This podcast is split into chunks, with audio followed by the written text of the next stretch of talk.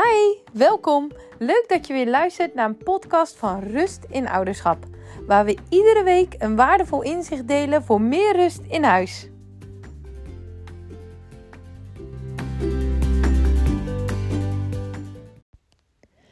Regelmatig horen wij de uitspraak: Mijn kind is hoogsensitief. En vragen ouders naar aanleiding van deze hoogsensitiviteit handvatten hoe zij om kunnen gaan met dit gegeven en daarmee met hun kind. En graag sta ik in deze podcast kort maar krachtig stil bij dit onderwerp, met een hele andere kijk dan je waarschijnlijk gewend bent, maar met zekerheid dat deze inzichten jou en je kind verder gaan helpen. Inzicht 1. Hoogsensitiviteit is geen diagnose. En jouw kind is het dus niet. Wat wel zo is dat je kind misschien sensitieve kenmerken heeft. En door heel goed doordrongen te zijn van dit feit, maak je het minder belangrijk. En door het kleiner te maken en minder te labelen, zorg je er allereerst voor dat je de lading eraf haalt. Inzicht 2.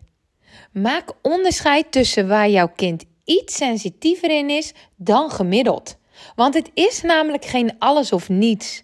Er zit een heel grijs gebied onder, wat een glijdende schaal genoemd wordt. Want voor wat is jouw kind dus gevoelig en in welke mate? Bijvoorbeeld, voor licht is je kind misschien gemiddeld gevoelig, voor geluid misschien wel beneden gemiddeld, maar voor stemming iets meer dan gemiddeld. Dus op het moment dat er een stemming van een ander verandert, trekt jouw kind dat zich misschien wel enorm aan.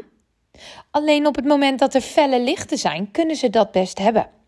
Dus maak onderscheid tussen voor wat is jouw kind sensitiever dan voor wat niet. Inzicht 3. Sensitiviteit bouwt zich op, net als een vollopend emmertje. En ja, het ene kind heeft van nature al meer sensitieve kenmerken dan een ander kind. Maar deze gevoeligheid bouwt zich ook op. Want de ene week kan je kind goed tegen iets en een andere week of soms zelfs per dag iets minder.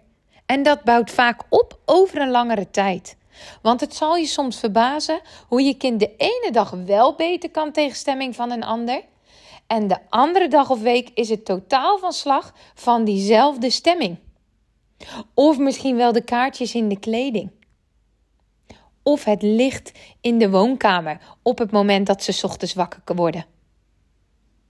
Nou, en wanneer jij je bewust bent van deze inzichten, dan zet je daarmee je kind minder vast in de rol dat het hoogsensitief is.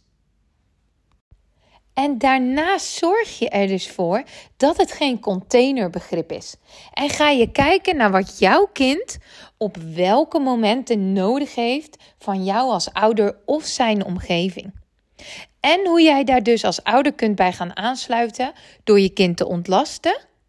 Zorgen dat het figuurlijke emmertje minder snel voorloopt en hoe jij je kind vaardigheden kunt gaan aanleren om beter om te leren gaan met die situaties, voor zowel nu als in de toekomst.